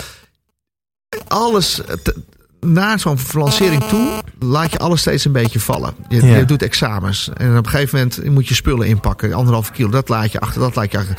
En je gaat naar Baikonur, heb je eigenlijk niks meer. Je, Ja. je, boeken, alles is gedaan. Dat zit, dat, de spullen die je nodig hebt, heb je steeds minder nodig. Op een gegeven moment sta je dus gewoon in je blote kont. En dan heb je echt alles. En vanaf dan begin je op te bouwen. Ja. Doe je een luier aan, doe je lang ondergoed aan. eh, je, ECG wordt aange- a- aangebracht, eh, je hartfilmpje. eh, je krijgt eh, speciale handschoentjes, sokken, je ruimtepak. En, en dan, ja, het is echt alsof je van het oude leven zo'n beetje... eh, Je gooit alles van je af Ja. en je begint weer helemaal opnieuw. Het is eigenlijk een Ja. heel mooi symbolisch moment. ja, alsof je nieuw leven ouder space eh, gaat beginnen. Ja, Ja. en eh, dus je gaat helemaal eh, eh, vers ga je die, die, eh, die raket in. Nou, op een gegeven moment heb je je ruimtepak aan. En eh, ik had een ventilator, maar ik zit in een rubberzak. Dus eh, het is allemaal eh, best warm anders. En eh, nou, loop je naar buiten. eh, nog even officieel de, de commissie eh, bedanken, begroeten enzovoort. En dan naar de bus. En met die bus rij je naar het lanceerplatform. In die bus zijn nog prachtige transities ook. Hè. En ondertussen heb je al afscheid genomen. Oh, die pakken worden nog even getest voor publiek ook. Hè. Ja, oh ja. Je gezin kan dan zien hoe die pakken nog even getest worden. Oh ja. Achter glas is dat. Ook een, dat kan je voor het laatst nog spreken met je, met je gezin. En, maar ik had al lang klop omgedraaid voor mezelf. Ja. Ik dacht, ik ga niet emotioneel worden. Nee, nee, ik wil dit Nee. graag. Dit is Ja. gewoon werk. Ik ga dit gewoon Ja. doen. En, eh, eh, dus ik was ook niet echt nerveus. Mhm.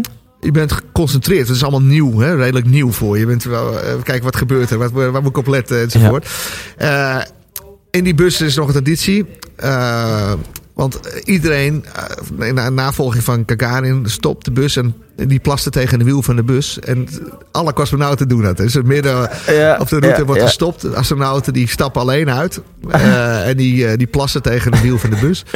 Dan is je pak dus open. Ja. En dan kan je er allerlei dingen in stoppen. Dus je gaat, eh, dat is ook zo'n traditie. Wat, ik had een Nederlandse kaas bij me, paaseitjes. Die, ging allemaal smelten later natuurlijk. Niet, niet een goed idee. En die stop je in ziploc bags in je pak. Ja, ja. als cadeautje voor de bemanning boven. Ja. En, ja, en dan eh, stap je uit die bus en dan eh, loop je naar de, de lanceertoren toe. Die raket zie je voor het eerst dan. Hè? Want Ja. je- de, uit, de, de roll-out mogen wij niet zien. Ja. Een soort, ook zo'n bijgeloof, traditie. Ja. Ja. En dat was heel mooi op mijn eerste vlucht. Want ik heb het nu vooral over mijn eerste vlucht. Ja, hè. ja. Eh, en op een gegeven moment liep mijn vrouw naast me. En dat is gek, want er lopen allemaal mensen die daar werken, officieren die begeleiden enzovoort. En de artsen. En op een gegeven moment liep mijn vrouw naast me. Nou, via een bevriende Russische eh, officier was die meegegaan. En, eh, en die, die had daar naar voren geduwd. En dat is heel. heel er loopt Helen ineens. en uh, mijn vrouw, mijn vriendin toen nog. En uh, vervolgens. Uh, ja, dacht ik van ja, ik ga op reis. Ik ga een tripje maken. Ja, dus ja. Ik, ik gaf haar gewoon spontaan een kus. En uh, nou, dat heeft meteen de kranten gehaald. En zo. Ah. maar het was echt zo van, oké, okay, ik, ga, ik, ga, ik ga week, uh, tien dagen of elf dagen ga ik de ruimte in. Dus daar, daar schat heel bizar. Was ook nooit vertoond. En, maar het was heel spontaan gebeuren. Nou, op een gegeven moment sta je op die trap. Hey, dus een trap naar boven mm -hmm. naar de lift toe. En nou, nog even zwaaien naar iedereen. En dat was een heel ja, mooi moment. Van, jongens, we gaan nu echt. Dan ga je met z'n... En dat is iets wat je dan nooit geoefend hebt in een heel klein liftje, een gammel liftje, ja. met die drie cosmonauten en twee begeleiders of zo. Ja. Ga je naar 50 meter hoog. Zo. En uh, er zit een heel klein bouwseltje daarboven op die raket. En het is allemaal heel krap. Dat is, dat is bijna het is nog, echt gammel en krap. Bijna, bijna nog een claustrofobisch moment dat je dat, je dat, dat heb je nooit eerder gezien, dat liftje. Ja. En, uh, en dan zit je dus op een heel ja, een platformpje, terwijl het 50 meter diep is. En, uh, en, en dan moet je dus door het gat nou, ik zit bij één opening van, ja. oh, wat zal het zijn, een meter doorsnee of zo. Ja. Uh, iets groter misschien. En uh, dat moet je door naar binnen kruipen in je ruimtepak. Dat heb je dus wel even geoefend op de grond nog. Mm -hmm. En uh, dan ben je het echte ruimteschip. Alle mensen hebben kapjes voor, beschermende dingen om hun schoenen. En het, wordt ineens wordt het heel echt, hè. Mm -hmm. En dan, dan ging ik, als eerste daalde ik dan af. Dan, dan laat je je voorzichtig zakken in, ja. langs het luik in de cabine met de stoelen. Uh, oppassen dus dat je geen knopjes indrukt en schakelaars omzet. En dan zit je in die stoel. Dan, ga je, dan zak je in de stoel van de commandant. Ja. In je eentje. Dan ben je echt in de raket. In je eentje. Ja. Want die anderen zitten nog buiten. dan moet je het luik dicht doen. Dus dan zit je ook nog een keer helemaal in, alleen Ja. in die hele capsule. Want je moet het luik moet je, eh, moet je dicht doen. Anders kan je niet opschuiven. Zo krap is het. Ja. Dan moest ik opschuiven naar mijn stoel. Voorzichtig dat je niet meteen boven je riemen gaat zitten. Want die krijg je er niet meer te pakken. Dus je moet alles netjes aansluiten. Je radio, je ECG, je slangen, de, eh, de, de, de ventilatie, de zuurstof. Dan je riemen. Ondertussen kan het luik weer open. Eh, en al die, ja, dus tot die tijd zat ik alleen in de raket. Ik denk, hier ga ik zo mee de ruimte in. Dat is wel fantastisch. Eh, en dan komt je Amerikaanse collega en uiteindelijk de Russische collega. En dan zit je in die capsule.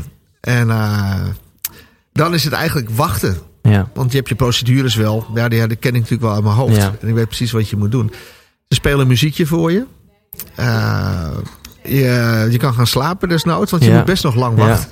Maar ben je op dat moment niet poep zenuwachtig? Nee, het viel me eigenlijk heel erg mee. Ik was heel geconcentreerd. Ik was heel erg geconcentreerd op de dingen die ik moest doen, waar ik op moest letten. Uh-huh. Ja. En eh, er zijn een paar dingen die eh, de, het, tijdens de lancering, als er bepaalde lampjes niet aangaan, eh, dan Mhm. moet je snel knopjes omzetten en schakelaars indrukken.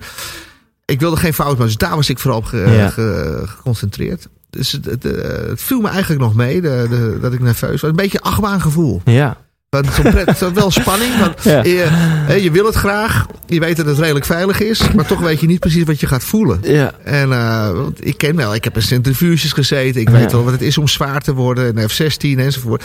Maar ja, dit is toch wel even anders. Je gaat echt op een enorme vuurpijl zitten. En, uh, uh, en dan zit je, nou, we hadden luiers aan. Dus van tevoren uh, denk ik, nou, ik wil niet met een volle blaas lanceren. Dus dan je het, het is lastig om in je kleren te plassen. dus dan laat je nog even lopen. Maar commandant ook. Ja. Uh, mijn Amerikaanse collega lukte het niet. Ja, ja. dus, en, uh, ja, en dan.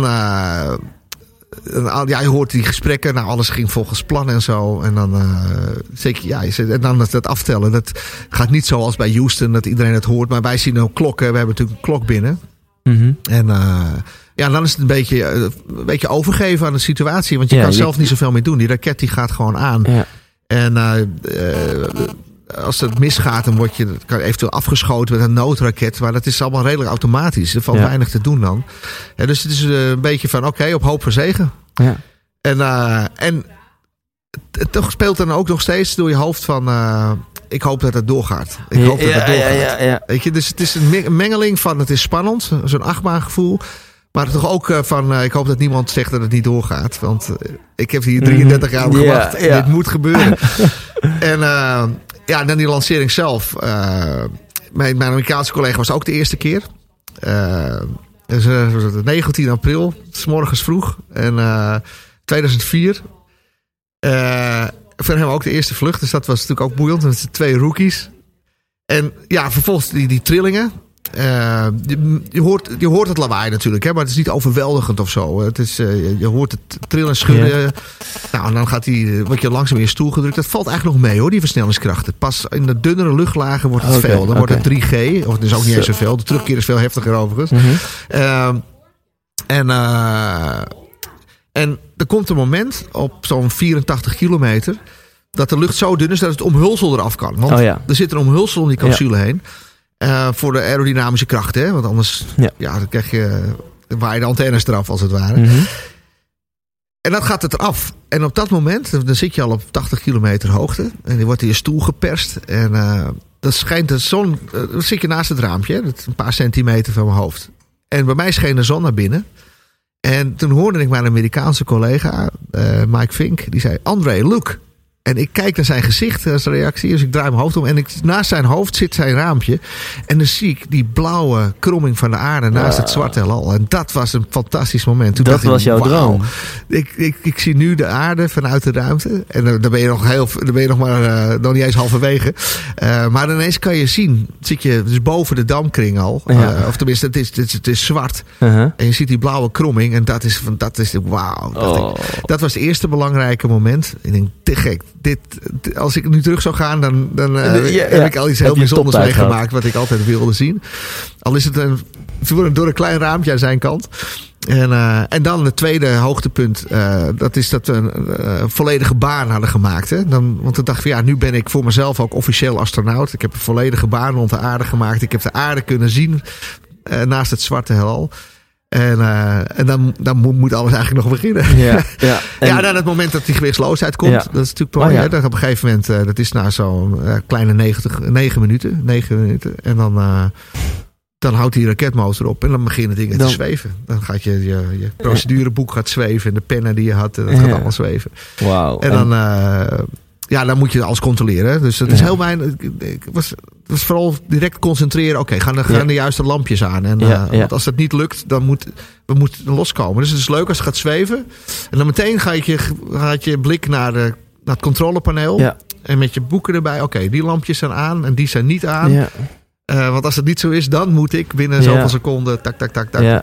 Nou, en toen dat voorbij was, dan kan je relaxen. En dan, de eerste keer begon je avontuur van 11 dagen. En de tweede keer van 193 ja, dagen. Ja, dan komt heel, je, je wordt ruimteziek. Uh, er, is, er is spanning. Uh, er gaan experimentjes fout. de mooie dingen, goede dingen. Dus ja, en, en ik vond het zo bijzonder om daar boven te zijn. Het uitzicht, al die dingen. dat ik dacht van ik dacht misschien wel, hou ik er maar één vlucht op. Er zijn diverse astronauten die gestopt zijn. Maar ik denk, dit is zo bijzonder. Ik wil, dit, ik wil hier veel meer van zien. Ik wilde echt wonen in de ruimte. Ja, nou, die kans kreeg ik toen door een lange vlucht te maken. Toen, toen acht jaar later. Ja, en, en daar kan ik ook weer uren ja, ja, precies. maar dat, is, dat doel was dus bereikt. Hè? En uh, ik, ik, tot mijn verbazing, want ik, nog steeds. Als ik terugdenk, dan denk je van ja, het is, het is gewoon geworden. Het is je werk geworden. Het is ook gewoon hard werken natuurlijk. Hè. Je moet gewoon uh, blokken, veel reizen, jetlaggen, studeren, examens doen, uh. Pff, afgaan. Uh, nou ja, voor alles zit erbij. Maar als ik dan terugdenk van jeetje, dit is bizar. Dat had ik dus niet kunnen bedenken. Ja. Dat een, een Amsterdams jongetje met een bril. Dat ik dit. En het was ook, een, ook die tweede vlucht. was een soort. Wat eerste instantie dacht ik nog, nou, dit is een toevalstreffer of zo. Ja. Dus die tweede vlucht, behalve dat ik dat mee... was ook een soort bewijs voor mezelf van ik kan het echt. Het is niet toevallig. Mm -hmm. uh, maar uh, ja. de eerste vlucht ging goed. Ik denk, nou, misschien is het allemaal toeval geweest. Ik heb gewoon geluk gehad. Uh, dus die tweede vlucht had ook een beetje een soort... Bewijs, bewijs voor van mezelf. Ja. Ik, ik, ja, ik vertrouwde mezelf niet eens van, is dit allemaal wel? Kan ik dit echt wel? En er is ook zoiets van... ik had heel vaak het gevoel dat ik nou, door de mand zou vallen of zo. Oh, het, ja. het, het, imposter syndroom is ook een serie, is oh, ook ja. een echt syndroom. Zo van ze gaan er ooit achterkomen dat ik het eigenlijk helemaal niet zo goed precies. kan. Precies, dus voor mezelf ook. Dus in feite was die tweede ook zoiets van, ik wil gewoon voor mezelf ook bewijzen dat ik het echt kan. En uh, dus het is een fenomeen dat mensen die heel succesvol zijn, ja. zichzelf niet vertrouwen. Van uh, ja, dat, dat ja. klopt niet. Ik kan elk moment kan, het, kan het voorbij zijn of zo. Niet kunnen geloven dat zij één uit een miljoen zo, zijn. Zeg maar. Ja, dat het echt zo gegaan is. Dus, dus dat is ook belangrijk, die tweede vlucht, om uh, op die manier. Uh, voor mezelf aan te tonen dat het echt was en niet een toevalstreffer. Ja, want mensen zetten dan de tv aan 2011, eind 2011 geloof ik, ging je voor de tweede keer de lucht in. Uh, op dat moment uh, denken mensen, oh, hij is astronaut, leuk. Maar dan is daar dus 41 jaar aan vooraf oh, ja. gegaan. Ja, ja, ja. ja. en, en, dat verhaal we nu van jou mogen horen. En als we het dan hebben over succes, over je dromen realiseren, over ergens voor gaan, dan... Uh, ja, ik, het is een prachtig verhaal. Hier zou, dit zou bijna verfilmd uh, kunnen worden, de, dit, is dit verhaal. Ja, dat, dat, dat is ook een interessant fenomeen. Dat mensen dat allemaal... Want er is niks misgegaan op mijn vlucht. Ja, een paar kleine dingetjes. Hè. Er is een kortsluiting geweest. We moesten schuilen voor ruimtepuin. En uh, er is een keer mm -hmm. een GPS-antenne uitgevallen. Er zijn wel dingetjes misgegaan. Maar geen grote ramp. Kijk, uh, daarom is het interessant. Want meestal uh, gaan de dingen goed mis. Voordat een, een, een mm -hmm. Apollo 13 is eigenlijk een mislukking. Ja. Maar omdat het, dat ze het gered hebben, is het een fantastisch verhaal ja. geworden. Ja.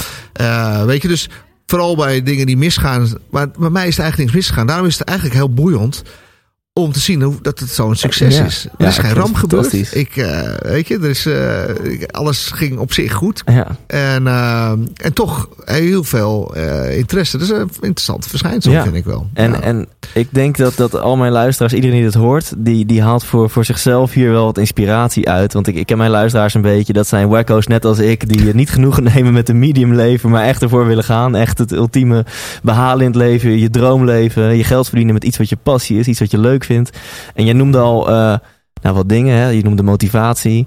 Je hebt natuurlijk ontzettend veel gedaan. Alle ingrediënten, daar was je op jonge leeftijd al van bewust. Oh ja, ik was Van- heel duidelijk aan het plannen. Je duikbuffet, je vliegenvet, cv Ja. opbouwen, medische dingen. Ik ging tien jaar vooruit kijken. Ik dacht, Ja. oké, waar wil ik zijn over tien jaar? En wat moet ik er nu voor doen? En het is gewoon een ontzettend goed advies wat ik iedereen geef. De meeste mensen denken niet na over wat er morgen gaat gebeuren. Ik ook niet altijd.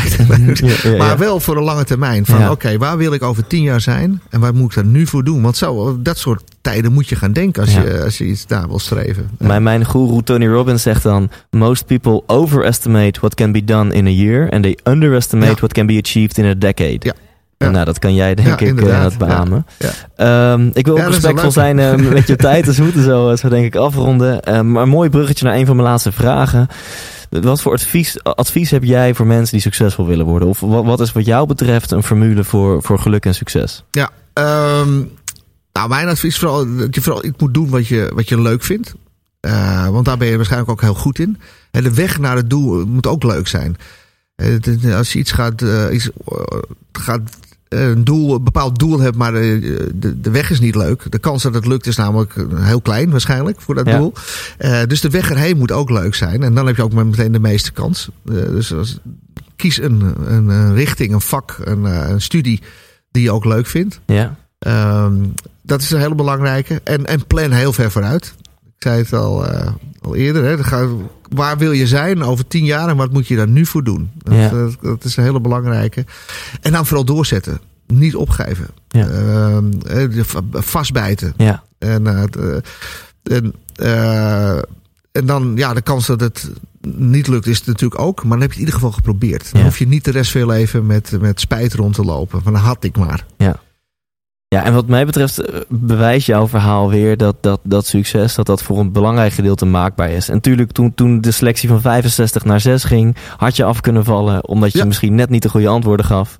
Maar alles wat je had kunnen doen om je voor te Ja, bereiden, dat heb je gedaan. Ja, dan kan je jezelf niks meer verwijten. Dat Ja. moet je absoluut zo, eh, zo doen. Ja. Ja. Prachtig.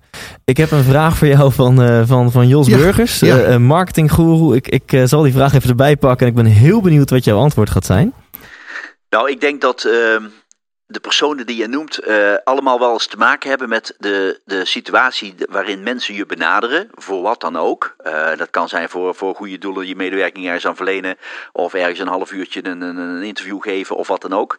Ehm, en waar ik zo naar, benieuwd naar ben, is eh, of zij iets hebben gevonden, een perfecte manier om nee te zeggen, Ehm, maar toch eh, de ander in de waarde te laten en de relatie goed te houden. En eh, niet te zorgen dat je eigen naam eraan gaat.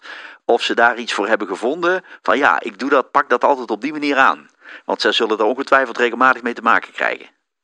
Wil je nog? Ik, Nee, ik denk dat ik hem- wel weet. precies, want ik- eh, ik- toen ik hem hoorde, dacht ik al meteen eh, ook aan dit gesprek. Want eh, ik krijg natuurlijk veel verzoeken voor, eh, eh, ja, voor, voor ja, praatje hier, praatje daar, interview enzovoort. En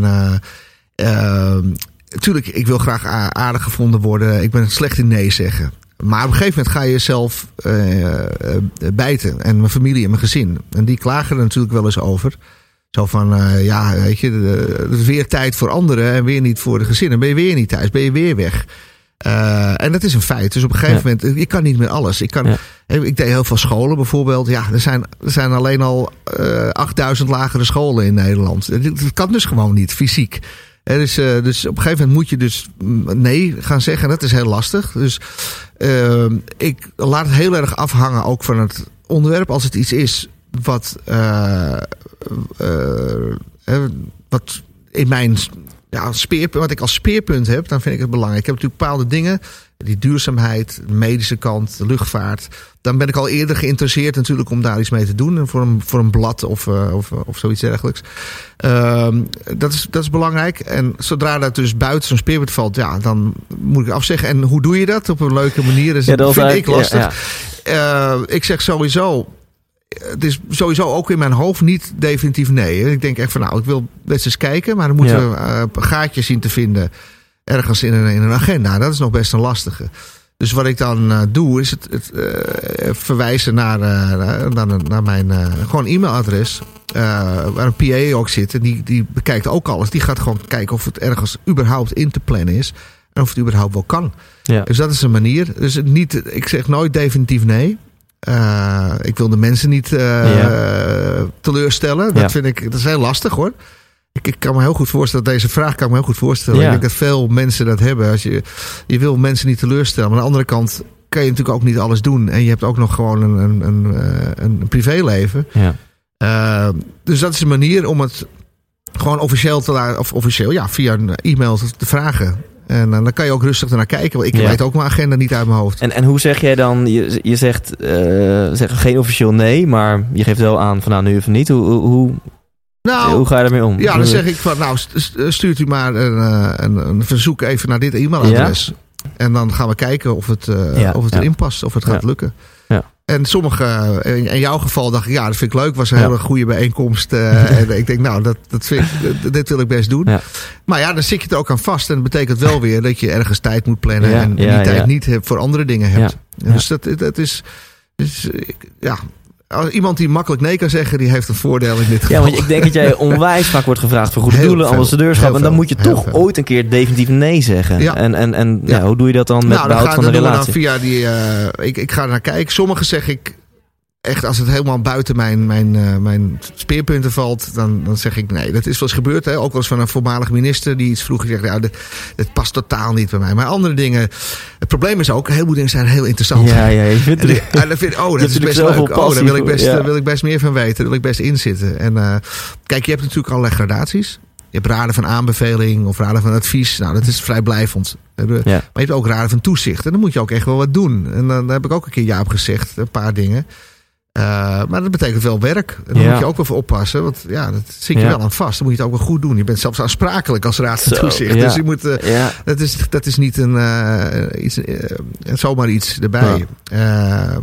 Interviews, denk ik, ja, is meestal ja, een half uurtje maar. Weet je? Maar vervolgens moet het, wil ik de tekst zien. Want er worden Ja. ontzettende fouten gemaakt. Ja. En, en het kost Ja. ook weer heel veel tijd om dat te corrigeren. Als mensen het opnemen, eh, beter. Hè. Want dan, dan, heb je het, eh, dan is het echt zo gezegd. Maar ook daar sluipen soms foutjes in. Ik heb wel eens gehad dat ik. eh, daar had ik een interview gegeven en zag ik de tekst terug. En er stond André, die, die, had- die moest trainen in, in Canada, in Japan, in Cuba. Ik denk, Cuba? Huh? Kon nou Cuba?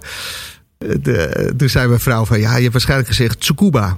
Dat is de, de plaats in Japan waar ik Ah. had getraind. En dat lijkt op Cuba. Dus ook, ook in een gesproken Ja, tekst kan nog steeds ja, fout zijn. En dat kost allemaal tijd. Dus daar moet ik een beetje voorzichtig mee zijn.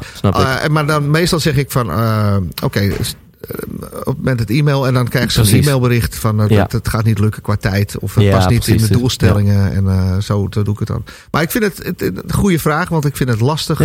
Om mensen teleur te stellen om nee te zeggen. Nou, ik, ik ga dit audiofragment ook zeker aan Jos eh, toesturen. Ja. Ehm, dan mag jij nu een vraag stellen aan Bas Eurlings, zeg maar de backpack-ondernemer. Ja, ja, Ja, ga nou, je gang. eh, ik vind het een heel, eh, heel interessant concept. Hè. Ik, ik ben. Het backpack heb ik vroeger ook heel veel gedaan. Allerlei plekken. Ik wilde er mooie landschappen trekken. En ik vond dat schitterend. Zuid-Amerika reizen gemaakt. En dat, en dat soort dingen. Uh, niet op deze manier. Dat, je dan, dat was toen ook nog niet. Ik heb helemaal geen internet. Ja, ja. Uh, uh, dus ik vind het heel, heel boeiend. Maar mijn vraag is dan: uh, is er ook nog een. Heeft, uh, heb je ook nog een doel? Uh, in de vorm van: wil je altijd blijven backpacken? Of is er op een gegeven moment een bepaald doel dat je. Uh, dat je toch uh, wil, wil settelen of, of een, uh, een bedrijf wil oprichten? Of uh, is dit het doel al? Wil je gewoon Ja. blijven uh, als het als Weinig werken en veel genieten, ja, zeg maar. uh, op allerlei verschillende plekken ter wereld wonen en rondkijken. Ehm, of, ja, of is er nog een ander doel? Ja, Misschien wel. Vind ik een hele goede vraag. Misschien wel de maan of zo. ja, precies. De eerste backpacker op de maan. Te gek. Hartstikke bedankt. Ik, en ja, tot slot, wanneer gaan we jou weer in de ruimte zien? Want. Ja, dat is uh, nog steeds theoretisch mogelijk. Ik ben nog officieel astronaut. Ja. Ik val nog onder ESA. Uh, ik doe vooral dingen in Nederland nu. En die auto, nou, wordt steeds meer Europa overigens. Maar de kans is niet groot. Want Europa, ESA, laat ik het zo zeggen. Doet maar voor 8% mee in het ruimtestation. Dat betekent dat wij recht hebben op 1 Europeaan per jaar naar het ruimtestation, gemiddeld. Mm -hmm. Ja, dat schiet niet echt op. Nee. En uh, we hebben nog één Europese astronaut die nog niet gevlogen heeft. Die wil natuurlijk ook wel. Ja. Er zijn anderen die, uh, die nog maar één keer hebben gevlogen. De hele nieuwe groep heeft nog maar één keer gevlogen. Die willen waarschijnlijk wel twee keer. Er zijn landen in Europa die nog helemaal geen astronaut hebben. En Nederland heeft al drie keer een astronaut gehad. Hè? Wubbo en ik twee keer. Ja. En we hebben ESTEC. Dat is het grootste centrum van de ESA. Dat staat ook in Nederland. Heel gunstig. Dus ik kan me politiek gezien niet zo voorstellen dat, dat Nederland nog een keer gevraagd, Mhm. dat ik nog een keer gevraagd word. Dan moeten, dat, kan, Ja. theoretisch kan het. Hè. Stel, we krijgen allerlei vluchten met eh, Ja. commerciële partijen zoals SpaceX of Orbital. Ja, Of met de Chinezen. En ineens zijn er astronauten tekort. Dan kan ik me er nog iets bij voorstellen. En dan, dan zal ik wel even met mijn gezin moeten gaan praten. Want dan Mhm. ben ik, eh, als, ik, als je dat zegt, van uitgaande dat ik weer allemaal goedgekeurd Mhm. word en dat soort dingen. Dan, eh, dan ben je wel weer jaren bezig. Ja. Maar ik zou het wel graag Jij willen. blijft er gewoon nog ja, ja, zeker. eh, t- tuurlijk, eh, de- er zijn realistische en eh, minder realistische. Eh, dit is een, een beetje realistisch, kan nog. Ja, Maar eh, ik zou ook wel eens tot de maan willen lopen. Maar dat gaat echt niet meer ja, gebeuren. dat vind ik een hele mooie afsluiting. Altijd blijven dromen. Precies. Dankjewel. 100% wijs! Yes, dat was hem. Een gesprek met een van de meest bijzondere mensen die ons land rijk is, André Kuipers. Ik vind dit zo mooi. Dat stuk waarbij je realiseert van oké, in 2011 zet ik de tv aan en zag ik onze Hollander André Kuipers gaat de ruimte in. En natuurlijk realiseer je dan dat het een droom is die hij heeft gerealiseerd. Maar op dat moment heeft hij 41 jaar van zijn leven hieraan gewijd. Heeft hij 41 jaar lang al zijn keuzes op micro- en macroniveau ervan af laten hangen van het ultieme doel waar hij naartoe wilde. Waanzinnig, waanzinnig. Ik vond het een super mooi gesprek. Check vooral thijslindhout.nl slash 9. thijslindhout.nl slash 9. Dat is het cijfer 9. Daar kan je een samenvatting lezen van dit, eh, van dit gesprek. Like vooral ook de 100% Thijs Lindhout Facebookpagina. Daar ga ik nog wat meer foto's en eh, inzichten uit dit gesprek met je delen. 100% Thijs Lindhout op Facebook. Geniet alsjeblieft nog even na. Als je dit interview net zo vet vond als ik, dan ga je hem nog een keer luisteren. En nog een keer en nog een keer. Geniet nog eh, intens daarvan. En tot volgende week. Leef intens. Hey, wat leuk dat je hebt geluisterd naar deze aflevering. En als je het nog niet hebt gedaan, waar wacht je nog op? Ga nu naar thijslindhout.nl en koop je tickets voor de 100% Inspiratieshow. We gaan lachen, we gaan muziek maken en vooral gaan we samen op zoek naar geluk en succes. Neem je vrienden, je vriendinnen, je partner, je collega's mee. Koop nu je tickets op thijslindhout.nl.